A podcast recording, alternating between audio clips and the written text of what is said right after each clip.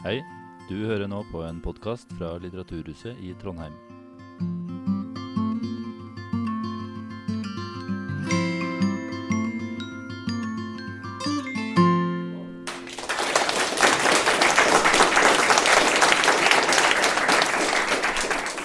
Tusen takk. Muhammed-krisen. Har karikaturene låst ordskiftet om ytringsfrihet? Velkommen til debatt i P2 fra Stokmandagen i Trondheim, arrangert av Litteraturhuset i Trondheim og Eventselskapet. Mitt navn er Trond Aam, jeg er daglig leder for Litteraturhuset i Trondheim. Og jeg har med meg to veldig spesielle gjester her i kveld, nemlig to av hovedaktørene i den opprinnelige danske debatten om Muhammed-karikaturene fra 2005, som ikke bare satte fyr på Danmark, men på hele verden. Først og fremst så har vi Flemming Rose, eh, Jyllandspostens eh, daværende kulturredaktør, som publiserte de berømte og eh, kan man si, berykta eh, karikaturene av profeten Muhammed i avisa eh, 30.9.2005. I dag er han sjefredaktør for Frihetsbrevet. Vi har også med oss Rune Engelbrett Larsen, eh, idéhistoriker og forfatter, som var blant de sentrale kritikerne av publiseringa i 2005 og 2006. Så hjertelig velkommen til dere to. Det, jeg, for, jeg, forstår det slik at dere to eh, dere har vært i ganske mange debatter med hverandre om Muhammed-karikaturene tidligere. Det. Mange og mange. Uh, jeg kan huske en to-tre stykker, uh, tror jeg. Um, på litteraturfestivalen i Göteborg. Mm. Er det ikke rigtigt, Rune? Jo. Og så med Martin Krasnik, øh, chefredaktør på Weekendavisen, som ordstyrer øh, et sted i København. Øh, ellers kan jeg egentlig ikke huske øh, så meget, men det er selvfølgelig rigtigt, at vi dengang stod på øh, forskellige positioner. Øh, Rune var dengang tilknyttet Dagbladet Politikken, øh, og øh, det var ikke så lang tid efter, at øh, JP Politikken var blevet fusioneret, fusioneret i Jyllandsposten og politikken. Og for den øverste ledelse i JP Politikens hus var det øh, meget opportunt, at politikken og Jyllandsposten stod over for hinanden, fordi det kunne man så øh, kommunikere til øh, konkurrencemyndighederne, at selvom vi var i samme hus, så kunne man bare se, at øh, vi stod så øh, kompromisløst over for hinanden i, øh, i den her debat. Ja. ja. men så Det er mange år siden dere møtte hverandre, da, med andre ord. Ja, det må man si. ja. Altså, jeg må nesten også nevne som en inngang til samtalen, uh, som er litt personlig, uh, men grunnen til at uh, vi har invitert akkurat dere to, og akkurat nå, har sin bakgrunn i at jeg selv bodde i Danmark i 2005 og 2006, da, da hele Muhammed-krisen tok, tok fyr. Og det jeg eh, har tenkt på ganske lenge, det er at jeg husker, husker veldig godt hvordan uh, min sympati den gangen først lå hos uh, politikkens uh, toneangivende sjefredaktør uh, Tøger Seidenfaden, som var kritisk til publiseringa av karikaturene. Eh, men så i løpet av eh, etter hvert som eh, krisen eskalerte, og særlig den profilerte tegneren Kurt Westergård fikk drapstrusler, og det hele tatt, så følte jeg jo at det var naturlig å skifte side. på en måte, eller Det var, det var vanskelig å ikke begynne å sympatisere mer med på en måte forsvaret for, for Mohammed-karikaturene. Og så har jeg tenkt lenge på etterpå, for jeg, jeg, jeg kunne ikke liksom helt huske hvordan han Seidenfaden egentlig argumenterte. altså hva på en måte hans innvendinger var, Men så fikk jeg ad omveier i fjor nyss om at det fantes en bok. Og det var eh, den boka som du var med å skrive, Rune Engelbrett Larsen, i samarbeid med nettopp Tøge Seidenfaden, som heter 'Karikaturkrisen en undersøkelse av bakgrunn og ansvar', eh, som eh, kom allerede i 2006, men som er en utrolig sånn nitid gjennomgang av eh, hva som skjedde fra dag til dag eh, gjennom eh, hele krisen, og som på en måte viser hvordan perspektiver kan, kan forflytte seg på en måte i, i vår oppfatning av krisen. så jeg spørre deg først da, Engelbrett Larsen, hva, hva tenker du om, om karikaturkrisen i dag?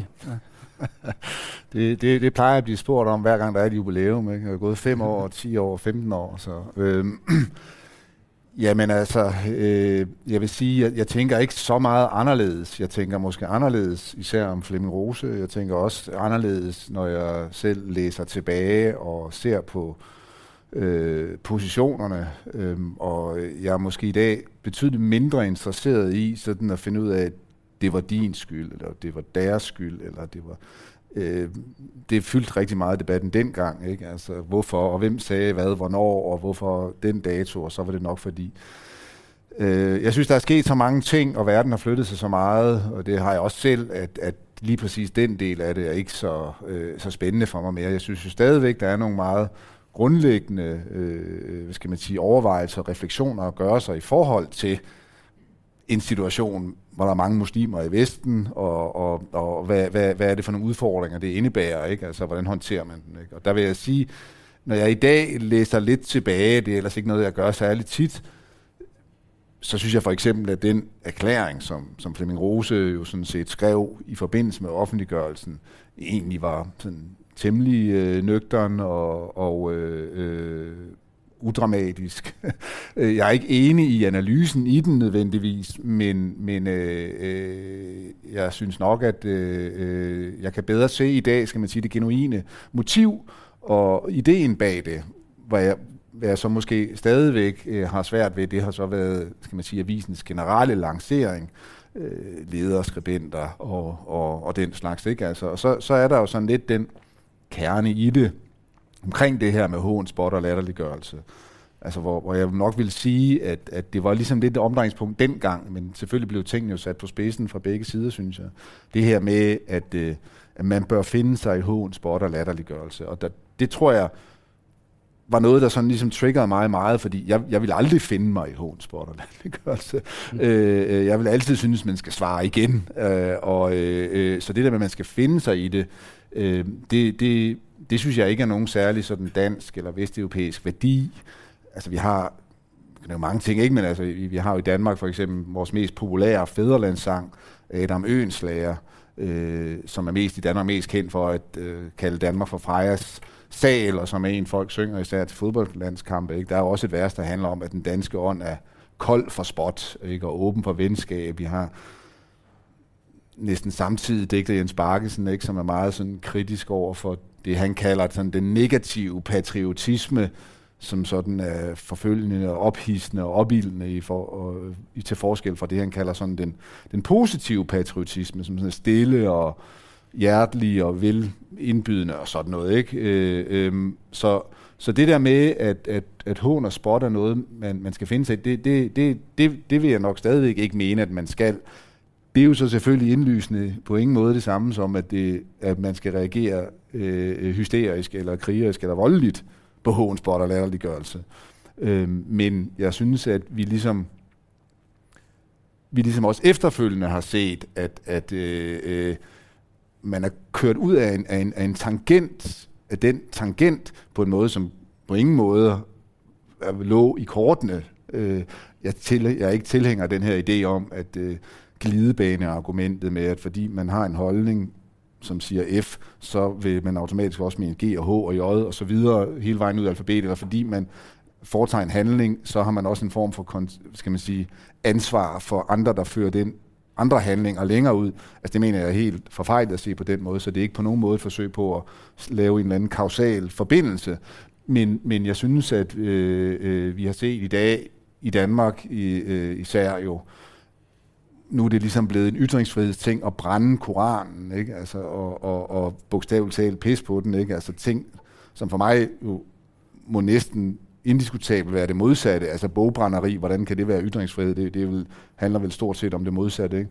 Så, så jeg synes, at, at det er ligesom om, at der, der, der, der hvor vi i, i nullerne måske levede i, i den der idé om, at de sociale medier og det her nye fænomen blog og sådan noget, ikke? at det var noget, der var meget demokratiserende, og nu var der plads til alles indflydelse, og alle var egentlig sådan forholdsvis positive over for den, ved noget Flemming nok ved endnu mere om, ikke? Men, men, der ser vi jo i dag i Danmark medier, der lukker, de her Danmarks Radio, ikke lukker deres kommentarspor, ikke selv Ekstrabladet, som er det medie i Danmark, der måske er mest kendt, skråstrej berygtet for at tillade hvad som helst i, i, i online, ja, de øh, stopper nu alt og skriver, at man må ikke skrive racisme, man må ikke være grov, man må ikke, man må ikke.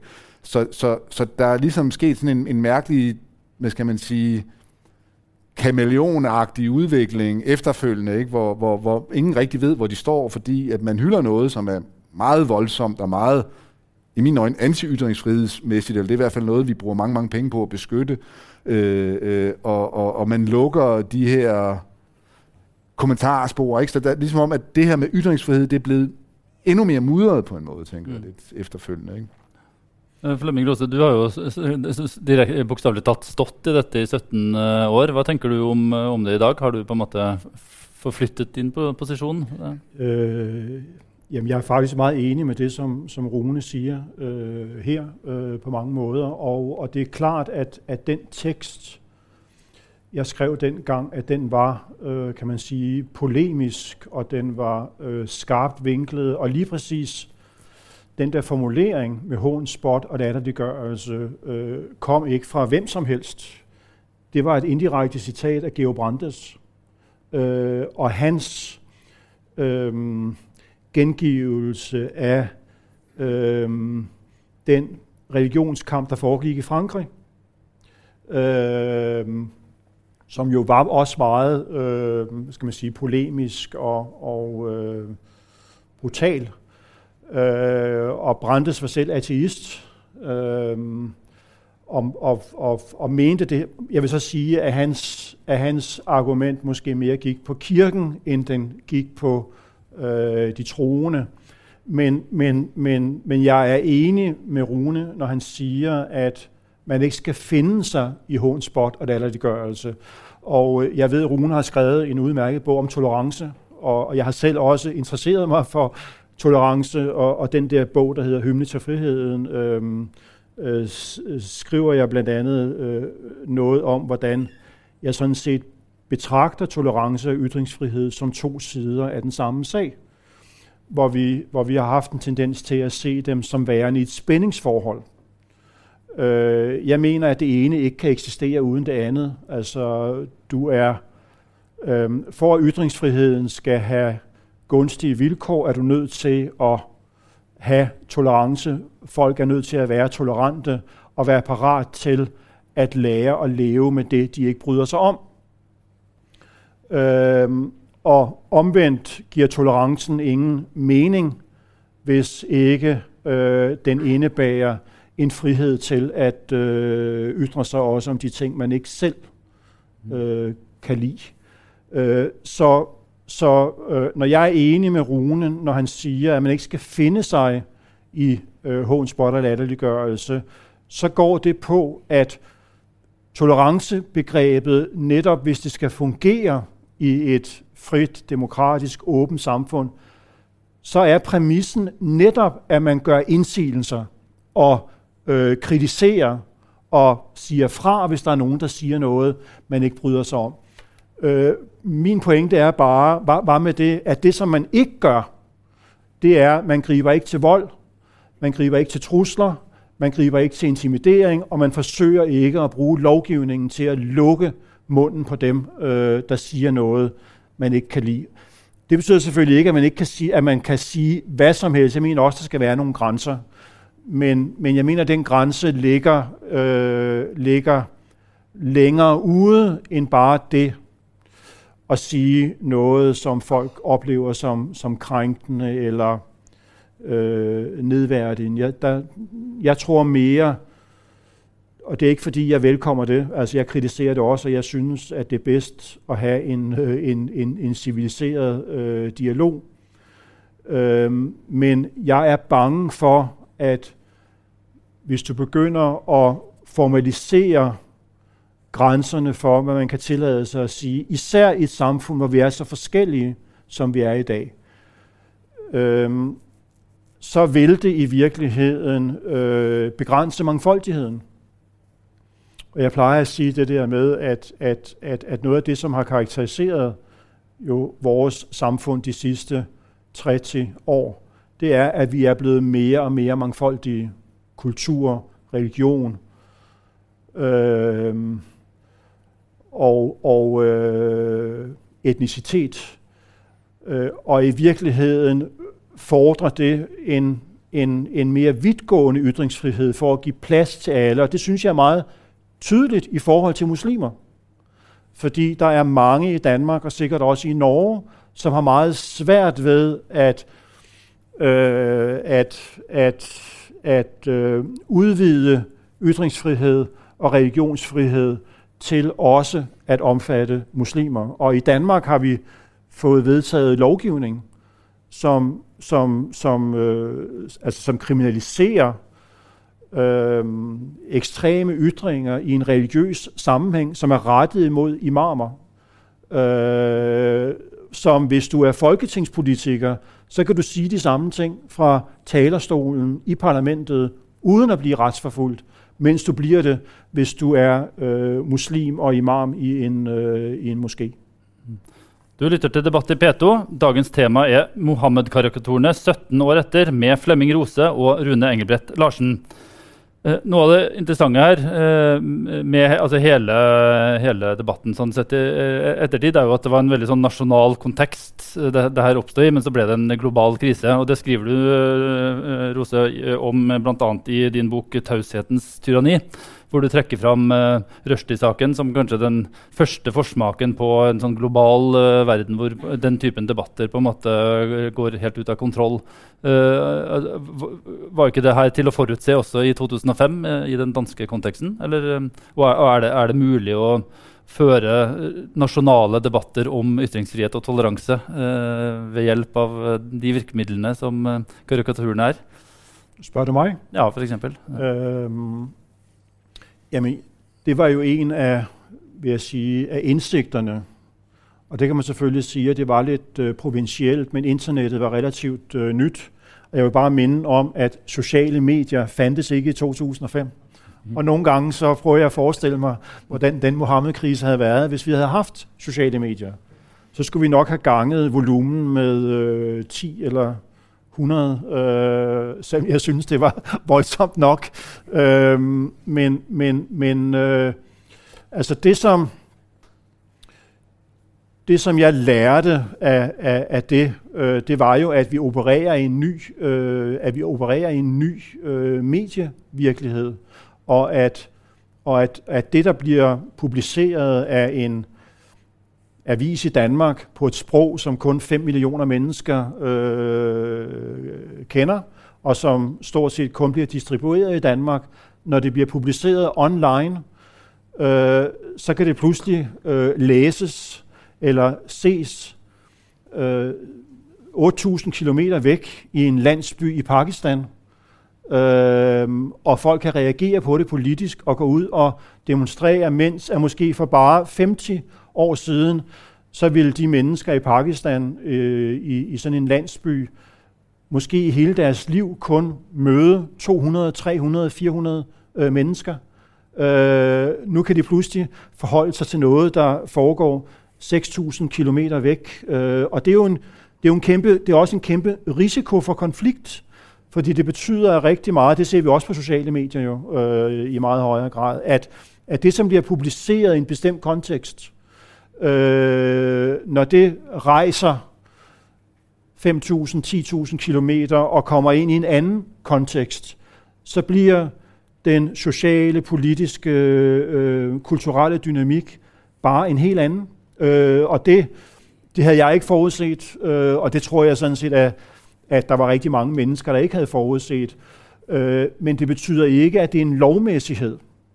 Øh, Altså der er bagefter, og der er også kommet andre bøger, der er en, en, en dansk sociolog, som, øh, som bor i USA, der hedder Jytte Clausen, som oprindeligt faktisk er fra Aarhus, som, som skrev en, øh, en bog om, om, om, om dynamikken i det her i Midtøsten. Øhm, og, øh, og der er det meget tydeligt, at det var nogle konkrete politiske dynamikker, i en række muslimske lande, som gjorde, at det her blev en global historie. Mm. Også måske 11. september, øh, øh, forholdet mellem Vesten og den islamiske verden, og så øh, øh, øh valg i en række øh, lande, og interne politiske øh, og sociale problemer, som gjorde, at der var mennesker, der kunne bruge den her sag.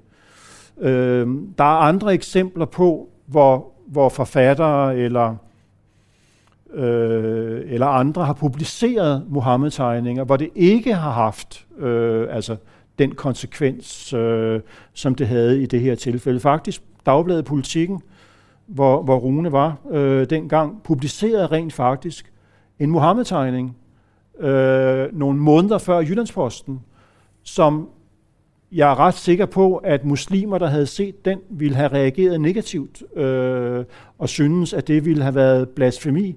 Men det vagte ikke, øh, det vagte ikke den samme ballade og de samme øh, øh, reaktioner. Så, så det, det, det er ikke, der er ikke en automatik i det her.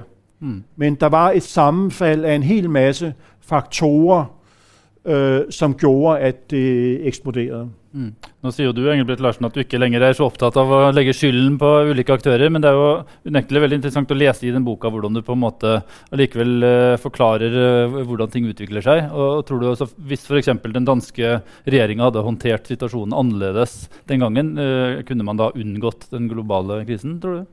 Altså, det er jo meget spekulativt, og det er rigtigt, det gør vi en hel del ud af der, ikke? Altså, og beskæftige os måske lovligt spekulativt med det, men, men jeg vil nok sige, at øh, øh, der er i hvert fald ikke høje karakterer at give til den øh, måde, som regeringen øh, håndterede sagen på, fordi der, var, der har også været lignende sager efterfølgende, og øh, jeg tror nok stadigvæk, selvom det forbliver spekulativt, at når man ser på den daværende statsminister, som jo vi talte dengang meget om, at om muslimerne og imamerne talte med to tunger. De sagde et til den arabiske verden, og så sagde de noget andet i den hjemlige debat det var, det, kan man, det var der så nogle af dem, der benægtede og mente, at de var blevet citeret forkert, og det kan man jo så mene om, hvad man vil, men i hvert fald kunne man klart konstatere, at det gjorde den danske statsminister i den grad, også i meget høj grad, øh, virkelig, skal man sige, adresserede sit publikum i forhold til, hvad der var bekvemt at sige. Øh, så, øh, øh, så jeg tror nok, at øh, øh jeg, jeg,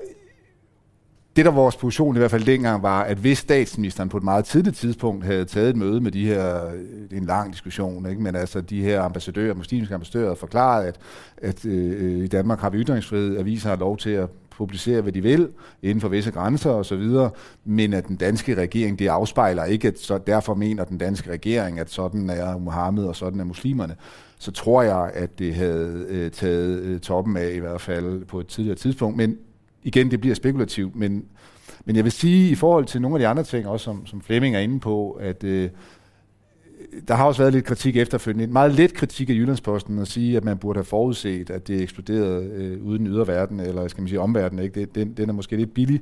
Øh, men hvis, så hvis man nøjes med at kigge på den danske kontekst, dengang hvor tegningerne kom, der tror jeg, at en af grundene til, eller måske en meget central grund til, at, at dem af os, der var kritiske over for det, øh, Øh, øh, var jo ikke, i hvert fald ikke fra vores side, et forsøg på at mene, at det var jo, burde være ulovligt, eller der skulle være censur, men var det en god idé?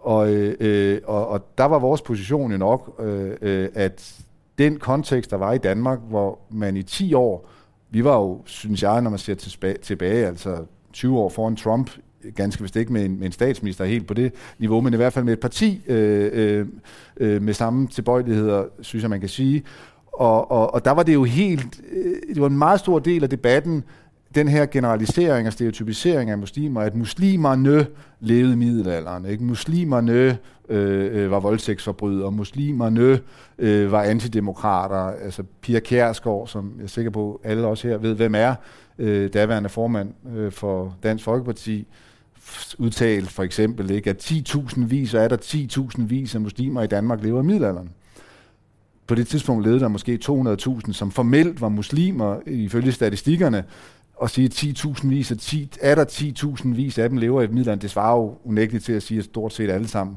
lever i middelalderen, og det er vidderligt kun toppen af isbjerget. Ikke? Så der var en, en, en, en meget udpræget tendens til, at sådan omtalt mange ledende, også ministre og regeringsfolk og debattører, muslimer øh, generelt, og, og øh, øh, så der kan man sige, at der synes vi jo, at, øh, at det her øh, øh, projekt skrev sig ind i, i en i forvejen eksisterende øh, generalisering, øh, som, som ligesom skød på muslimerne, og i en situation, hvor, hvor der vidderligt kom rigtig mange islamkritiske bøger, og, og de, de fik meget stor eksponering. Ikke? Så det var ikke fordi, at vi sådan havde et underskud af islamkritik i den forstand. Ikke?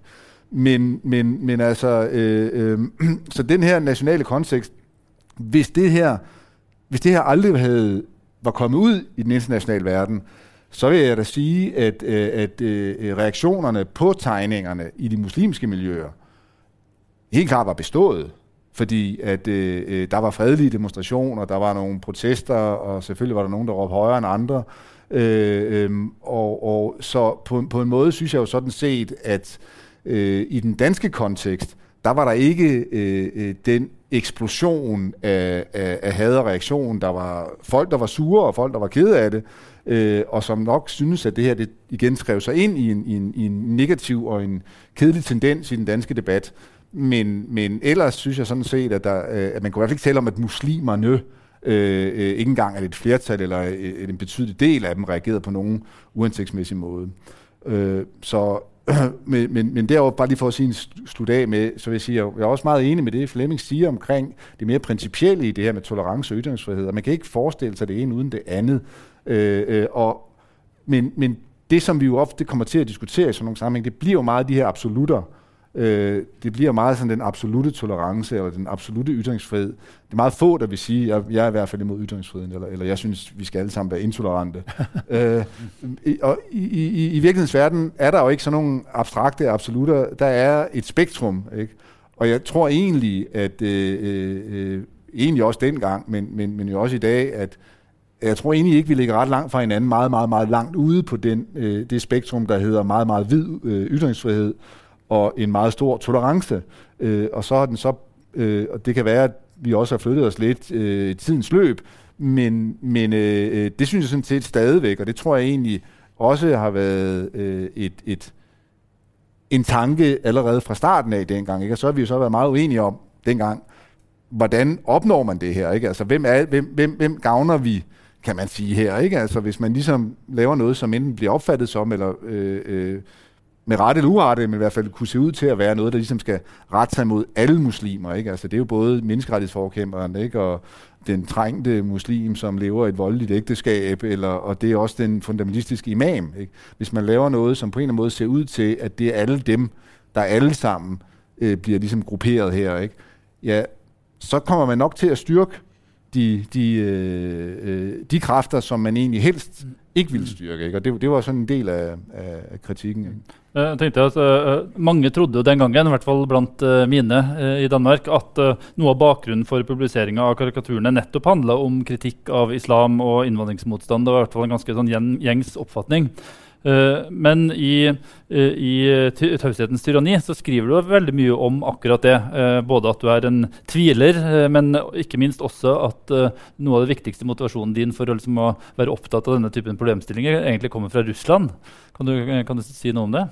Jo, men det er fordi jeg har studeret russisk språk og litteratur.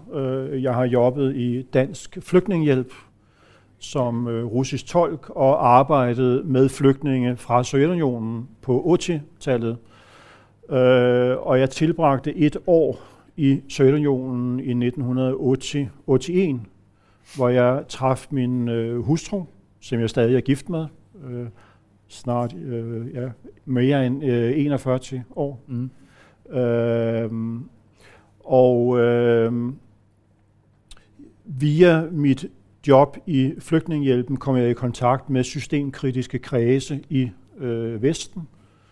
Øh, jeg rejste med litteratur ind i Sovjetunionen. Jeg tog øh, beskeder med tilbage. Øh, jeg var meget identificeret med den sovjetiske menneskerettighedsbevægelse. Øh, og det har meget formet mit syn på Altså det der med øh, frihed, ytringsfrihed, retten til selv at bestemme over sit eget liv, øh, holdningen til diktatur og så videre. Og på, på en måde var, var det den erfaring, selvom der selvfølgelig er forskelle, øh, som på en eller anden måde satte rammerne for min tolkning i udgangspunktet, når der var det der om selvcensur, øh, ytringsfrihed osv. Fordi jeg i Sovjetunionen havde set et samfund, hvor, hvor, øh, hvor befolkningen var blevet truet og intimideret til at internalisere øh, en selvcensur. Øh, og det foregik på den måde, at, at i udgangspunktet er der mennesker, der gør modstand, øh, men efterhånden som tiden går, fordi selvcensur er ofte ydmygende, og med selvcensur mener jeg ikke øh, god opførsel eller etikette. Øh, der er en klar forskel, øh, synes jeg.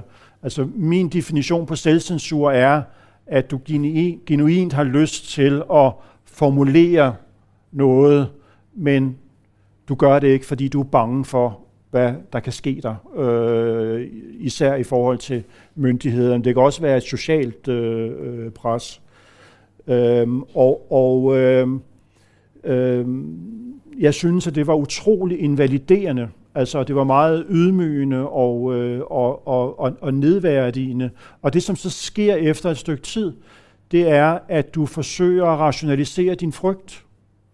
Øh, fordi det er ikke særlig, altså det er jo ikke særlig heroisk at, øh, at erkende, at man er bange. Og det synes jeg også, jeg har set bagefter med mange danske medier. Og det er jo også noget af det, jeg sagde til Jyllandsposten senere i forløbet, da man holdt op med at trykke tegninger. Fordi mange danske redaktører, de sagde, at vi ved jo godt, hvordan tegningerne ser ud. så hvorfor publicere dem? Hvortil jeg sagde, vi ved også, hvordan Barack Obama ser ud. Men alligevel så har vi et billede af Barack Obama, hver gang der er en historie om ham. Øh, så det var ikke noget godt argument. Og det andet var så det der med, at der er ingen grund til at krænke, når vi ved, at det bliver opfattet på den måde. Øhm, men så vil jeg sige, at så er der rigtig mange ting, man ikke skal bringe i avisen. Hvis kriteriet er, at øh, man ikke skal publicere det, hvis det kan være krænkende øh, for nogen. Og nu når vi er i Norge, så lad mig give et eksempel med øh, øh, 22. juli 2011. Øh, i forbindelse med, med et af de øh, år, øh, årsmarkeringer for 22. juli, så var der i dansk tv en væg-til-væg dækning med fokus på øh, massemorderen, øh, billeder af ham, øh, han kom til ord. Øh, og jeg er overbevist om, at de efterladte følte det utrolig krænkende. Øh, men alligevel blev det vist. Hvorfor? fordi medierne følte, at det var nyhedsværdigt, og fordi der ikke var nogen, der troede dem. Altså hvis, øh, hvis de efterladte havde sagt, at hvis I viser de billeder, øh, så kommer vi efter jer, øh, altså i bogstaveligste forstand, så kan det godt være, at man havde resoneret på en lidt anden øh, måde. Så man kan sige, at, at mit ophold der i Sovjetunionen og min dialog med sovjetiske dissidenter gav mig bare et, altså et bestemt blik og måske en, en overfølsom shit-detektor øh, for nogle af de her øh, mekanismer, fordi det var ligesom det, jeg kunne genkende, øh, når museer, øh, der var ting, de ikke ville vise, der var film, der klippede scener ud, øh, der var øh, museer, der ikke ville vise bestemte kunstværker, øh, der var teaterforestillinger, der øh, undlod at sætte fokus på bestemte problemstillinger og sådan nogle ting. Øh, og det løb bare alle sammen sammen. Øh, men, men, men hvis jeg bare må sige to ord om, øh, øh, Trond, du, du, øh, du formulerede titlen på det her som, at er debatten blevet låst, eller låste øh, tegningerne debatten. Og, og der vil jeg sige ja og nej. Øh, og det kan Rune sikkert også nikke genkendende til, altså at, at, at, at tegningerne delte Danmark øh, og, og, og mange mennesker investerede stærke følelser og stærke holdninger, hvad enten de var for eller imod. Øh, og på den måde så låste det debatten, øh, fordi det kom til at handle om, er du for eller imod tegninger, er du for eller imod ytringsfrihed, er du for eller imod hensyn til mindretal. Øh, og på den måde så låste det debatten, øh, vil jeg sige, og der blev nogle meget fastlåste positioner. Men Samtidig så vil jeg alligevel også sige, at debatten var meget afklarende, altså på lidt længere sigt, øh, når man kan træde et skridt tilbage. Og, og, og grunden til, at vi, at vi taler om det her i dag, og at vi taler om det fra tid til anden i Danmark, efter min mening, det er, at, at i den debat øh, er centreret øh, rigtig mange af de problemstillinger, som vi har diskuteret de sidste 30 år i forbindelse med indvandring, integration, forholdet mellem mindretal og majoritet, Øh, hvad er ytringsfrihedens grænser? Hvad betyder religionsfrihed? Hvad er tolerance? Øh, hvad er individets rettigheder i forhold til grupperettigheder? Alle de der ting øh, mødes i debatten om, øh, om, om, om, om tegningerne. Og det synes jeg selv, intellektuelt for mig, har det været meget afklarende. Øh, men samtidig er jeg, er jeg enig i, at det på en måde, det fastlåste debatten i den forstand, at mange meget hurtigt investerede meget stærke følelser og holdninger i lige præcis den debat. Øh, og på den måde var der ikke så mange, der måske var parat til at flytte sig, hvis man først havde låst sig fast. Nu sagde du selv, at du måske havde korrigeret øh, dit synspunkt hen ad vejen, men jeg oplevede, at, at, at folk havde meget stærke holdninger, og, og det har både øh, Rune og jeg også oplevet jo altså privat, fordi vi er blevet genstand for projiceringer og identificeret med enten den ene eller den anden position. Mm. Du lytter til Debatt i P2. Dagens tema er Muhammed-karikaturene 17 år etterpå med Flemming Rose og Rune Engelbrett Larsen. Eh, eh, Rune, eh, altså, tror du at de der perspektivene kan leve side om side? At, eh, at, måte, at, man på en måte kan anerkjenne at det både var riktig og uriktig å trykke karikaturene i 2005? Jamen altså, det tror jeg, jeg tror faktisk, det er det riktigste man kan si. At det både var riktig og forkert. Um, jeg, jeg mener det hele taget. nu er jeg en stor, stor ynder af paradoxer, men, men, men, men det synes jeg faktisk er måske det mest præcise, man kan sige. Det var både rigtigt og forkert. Altså, det var, det, det var forkert ud fra den betragtning, at de skrev sig ind i, var, var i hvert fald min oplevelse, ikke? de skrev sig ind i en tendens, som urimeligt generaliserede negativt muslimer, og dermed måske gav, en, en, en, gav nogle skal man sige, gevinster til, til fundamentalismen, øh, øh, og øh, øh, det skrev sig måske ind i en, i en, i en, i en, i en tankegang omkring ytringsfriheden, at, at fordi man kan svare igen, så øh, øh, øh, behøver man ikke at tænke over, hvad skal man sige, forskellen eller ujævnheden i ytringsmagten. Altså, øh, øh, der, det kan godt være, for at sætte det meget på spidsen her, ikke, at hvis man i en skolegård har øh, øh 10 øh, øh, store øh, elever, der står og råber af en lille elev i, i, i skolegården, at øh, nu vil de have øh, lunchpengene der og så videre, ikke? jamen så kan det godt være, at formelt så kan den lille elev jo bare sige, nej, det er jeg uenig i. Men reelt øh, er der en meget stor forskel på, om man taler ud fra hvilken position man taler, og, og, og øh, på daværende tidspunkt i det danske samfund, der var der en meget stærk, oplevede jeg i hvert fald meget stærk, skal man sige, magtposition, som handlede om, at det, det, det, gav på det ved folketingsvalgene, det kender vi også i dag, men, men dengang var den endnu mere, skal man sige, sådan aggressiv. Øh, øh, det gav på det ved folketingsvalgene, hvis man generaliserede og, og, og demoniserede muslimer, øh, så, så der var sådan en, en, en, en overordnet tendens, og der, der, der tror jeg, det der med, at man så øh, øh, har øh, øh, nogle medier og nogle politikere, nogle stærke politikere og ministre som, som, og regering, der, der har et meget bestemt syn. Øh, Øhm, det gør ligesom, at, at selvom man har ytringsfriheden til så at skrive sit læserbrev, så har det ikke helt den samme øh, gennemslagskraft, og det fylder ikke helt det samme i debatten. Så det synes jeg også er en, en, en vigtig ting. Men, men så på den måde øh, kan man godt argumentere for, og, at det var forkert selvom jeg egentlig synes, det er lidt, det, det er lidt forkert ord at bruge forkert, fordi øh, det er jo ytringsfrihed, og jeg, jeg har aldrig haft nogen problemer med, at selvfølgelig har man ret til at publicere dem. Men, øh, men jeg, jeg er mere over i, var det en god idé på den måde, det foregik, og på det tidspunkt, det foregik, og så videre, ikke? Øh, øh, og den måde, det blev håndteret på. Det er en lidt, en lidt, en lidt anderledes diskussion.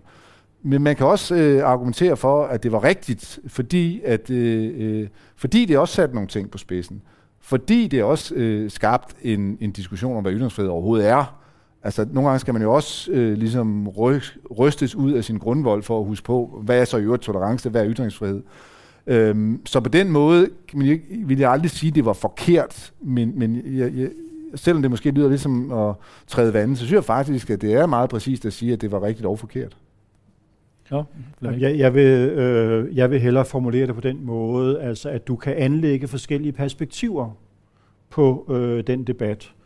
Og, og, og noget af det, der skete i min egen sådan intellektuelle afklaringsproces, øh, og som så mundede ud i den der bog, øh, Tavshedens tyrannier, som du rigtig siger, Trond, hvor jeg ligesom øh, placerer mig selv blandt tvivlerne. Altså at grundlæggende så er tvivl en et, øh, og det ved Rune også, fordi han har skrevet om tvivl og tro og øh, i forbindelse med tolerance og øh, oplysningstid og så videre. Altså at, øh, at, at, at tvivl er øh, er et meget vigtigt udgangspunkt for at øh, øh, lære og øh, forhåbentlig blive klogere øh, og anerkende, at man kan opleve verden på andre måder. Det var på en måde det, som jo altså hele tolerancens historie i Europa mellem katolikker og protestanter handlede om.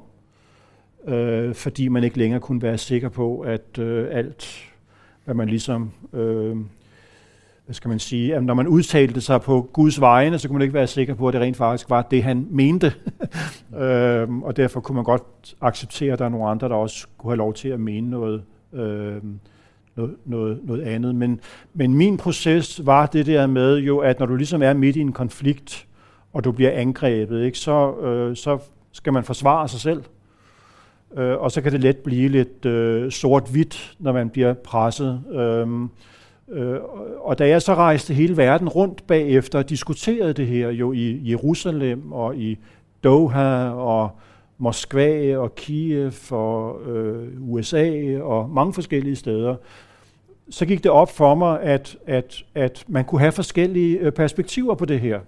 Øh, altså afhængigt af, hvad din egen livshistorie er, øh, øh, hvor i verden du er øh, født og vokset op, øh, hvad for en familie du er født ind i, hvad for nogle skoler du har gået i, hvem dine venner er, hvad for nogle bøger du har læst.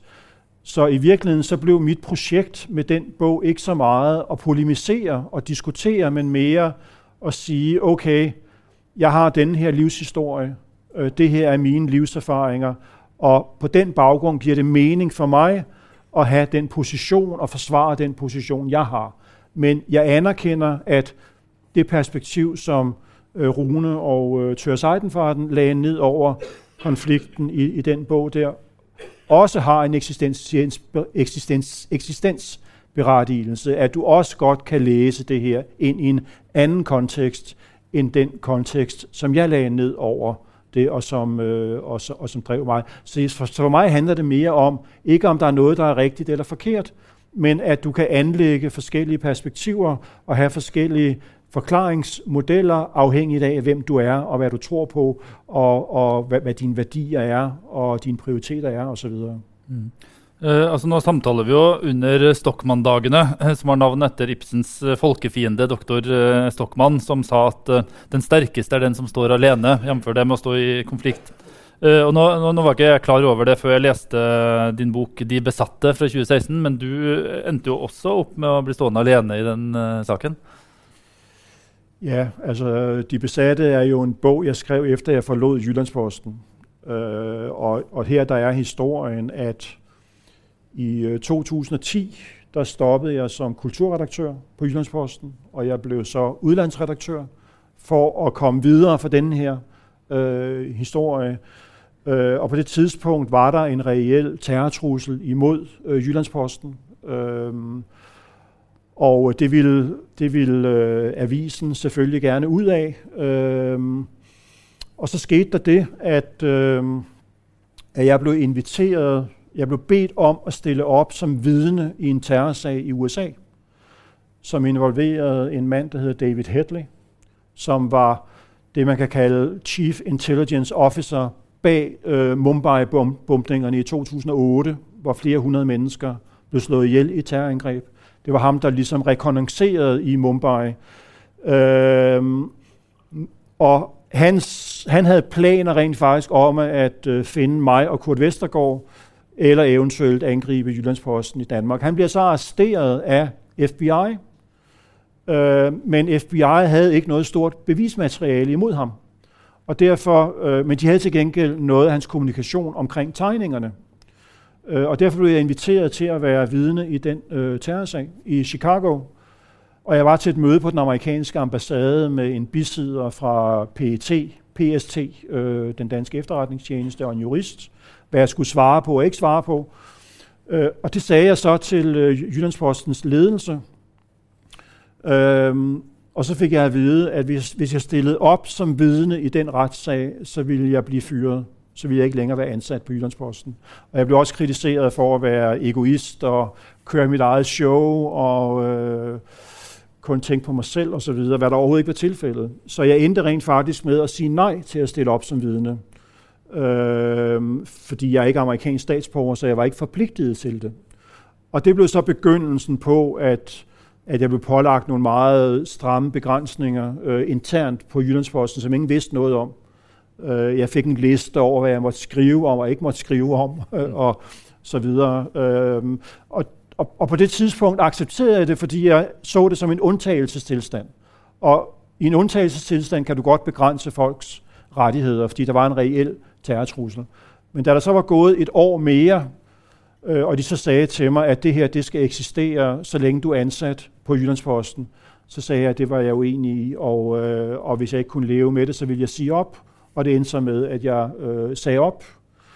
Øh, på en meget, det var et meget dramatisk forløb. Den der bog, øh, Hymne til friheden, øh, forsøgte øh, bestyrelsesformanden i JB Politikens Hus rent faktisk at stoppe. Selvom det ikke var min egen idé, det var rent faktisk JB Politikens forlag, der havde bedt mig om at skrive den. så det var meget, øh, det var meget bizart og øh, en meget voldsom oplevelse. Øh, og jeg endte så med at sige op, øh, og så skrev jeg den her bog øh, bagefter. Øh, de besatte om, hvad der var foregået bag kulisserne, og som i virkeligheden er en bog om, hvordan terror virker.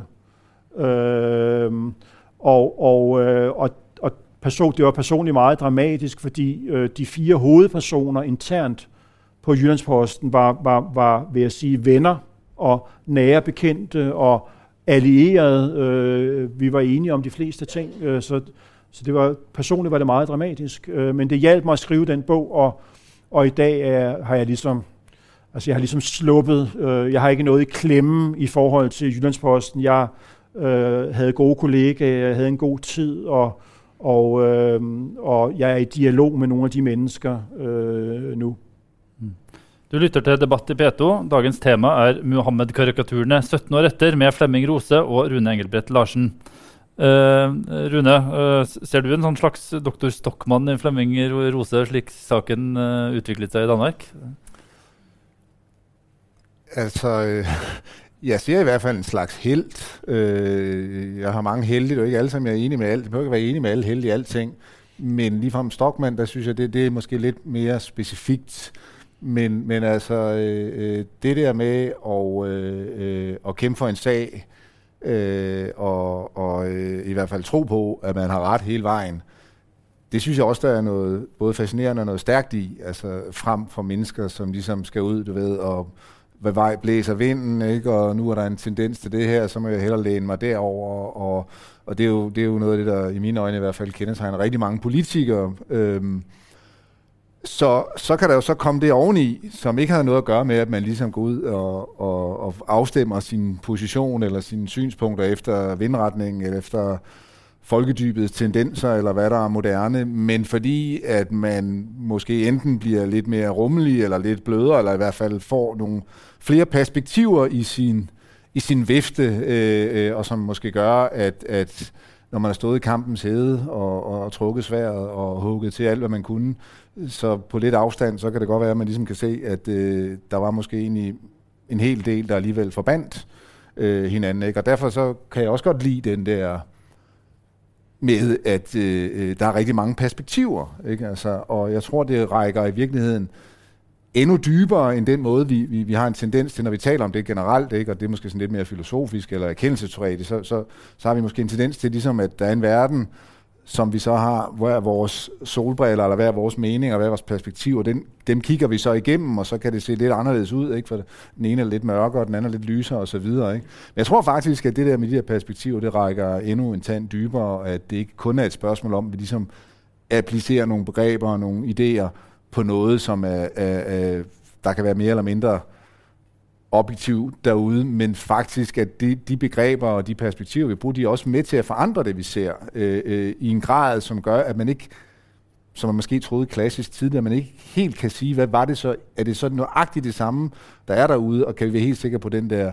objektivitet. Så, så, så jeg, jeg vil næsten strække mig så langt i forhold til, til at, at tale om forskellige perspektiver på tingene, ikke? Altså, og, og, og der synes jeg, at øh, øh helt klart, at, at det giver mening at anerkende øh, både, hvad Flemming har været igennem, øh, men, men det er jo i sig selv ikke det er jo ikke det, at han har været igennem de ting, han har været igennem øh, med utrolig personlige omkostninger, der i sig selv vidner om en mands format, men snarere det, at øh, øh, har stået øh, på mål for nogle ting, også hvor han er blevet kastet under bussen, ser det ud til for mig udefra, øh, af sin avis, og, og øh, øh, det kan man ikke andet end respekt for, når så ovenikøbet øh, at det viser sig, at man ligesom over tid jo også begynder at, at se ting fra forskellige vinkler, så synes jeg kun, at det er med til at, at cementere det. Og det, det, det er lidt en anden karakter end Stockman, synes jeg. Mm. Mm. Uh, altså, altså, nå er det jo uh, altså, det er ingen i dansk presse lenger som trykker karikaturene. Og uh, i fjor så utga den norske forfatteren Erle Marie Sørheim uh, ei bok om karikaturenes historie, hvor hun har fortalt at hun opprinnelig hadde tenkt å ha, ha med en faksimile av, av karikaturtegningene fra Jyllandsposten. I, jeg, jeg, jeg har medvirket til den bok, faktisk. Ja, Men så sa hun jo interessant nok at hun, altså hun hadde tenkt å, tenkt å, trykke dem, men etter drapet på Samuel Paty i, utenfor Paris i 2020, så fant hun ut at det kanskje ikke var det verdt allikevel. Eh, har dere forståelse for at hun valgte å gjøre som hun gjorde? Ja, det kan man jo ikke andet have forståelse for. Altså, man, man, man kan da kun have forståelse for mennesker, der er bange, øh, øh, hvis det har været sådan det drivende motiv. Ikke? Øh, altså jeg vil sige, vi, vi, vi trykker jo også øh, karikaturen i vores bog, som var kritisk over for, for, for projektet, som man kan sige. Ikke? Øh, den kom så i 2006. Vi dengang, der politikken trykkede, jeg tror også, i hvert fald op til flere af karikaturerne, 5-6 gange i løbet af et års tid eller noget. Så altså det, det, det er for mig meningsløst ikke at, at, at, at vise, hvad det vi taler om. Fordi det er rigtigt, som, som Flemming siger, ikke? Jamen, vi ved alle sammen godt, hvordan Mona Lisa ser ud, eller hvordan Obama ser ud, ikke? men øh, øh, der er altså altid nogle nuancer, du er nødt til at kigge på det. Ikke? Altså en, en, en, en vigtig nuance ved Mona Lisa for mig for eksempel, det er, at øh, jeg synes, det er meget mere interessant, hvad der er bag ved hende, end hvad hendes smil er, fordi bag ved hende er der nemlig et naturlandskab, hvilket var rimeligt usædvanligt og en helt ny tendens i renaissancen. Så bare for at tage et lidt anderledes eksempel.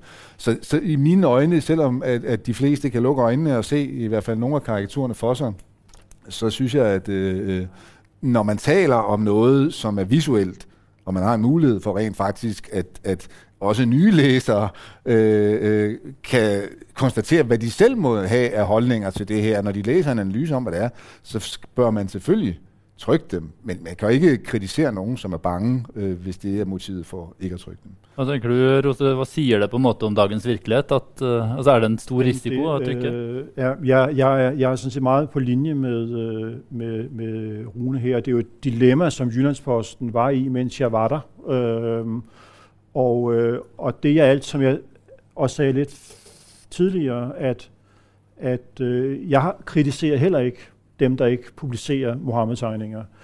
Men jeg opfordrer dem til at være transparente og ærlige om deres motiver. Det, som jeg ikke kan acceptere, det er, hvis du rent faktisk er bange, som er helt legitimt, og det er en følelse, vi alle kender, men at du forsøger at rationalisere din frygt ved at, at forklare det med andre motiver, som er mere noble end det at være øh, øh, bange. Øh, Øh, så, så, så min eneste opfordring, det er, at, øh, at, at man er ærlig, så vi kan få en diskussion om det. Øh, og, og det andet, jeg vil sige, det er, at, at øh, det, også, det vil også sige, det er, det er måske noget af det, som jeg virkelig, altså hvor jeg har flyttet meget i min egen forståelse af de her ting. At det der med, at, at du aldrig nogensinde kan tage øh, tolerance og ytringsfrihed for givet. Mm. Altså, vi har sådan her i Norden haft en tendens til at se os selv som særligt civiliserede, øh, fordi vi at de her værdier øh, øh, står stærkt hos os, men, men de er aldrig længere end et folketingsvalg eller øh, eller eller øh, en forskydning væk. Altså, altså ytringsfrihed og tolerance øh, overlever kun hvis de bliver praktiseret. Øh, og, og fordi så meget af, øh, af, øh, af det, som ytringsfrihed og tolerance er baseret på, går imod den menneskelige natur, øh, så, vil, så vil de aldrig nogensinde, øh, hvad skal man sige, kunne tages for givet. Og det er også derfor, at hver ny generation kommer til at, øh, at kæmpe sine egne kampe. Øh, altså hvis, man, hvis, man, hvis der ikke er nogen, der stiller sig op og praktiserer og forsvarer de her ting, så vil de forsvinde. Mm. Øh, og det handler simpelthen om menneskets natur, at vi har utrolig svært ved instinktivt at acceptere, at der er nogen, der har ret til at sige noget andet end det, som vi selv mener. Og det vil sige, at, at ytringsfrihed og tolerance er kultur, det er ikke natur.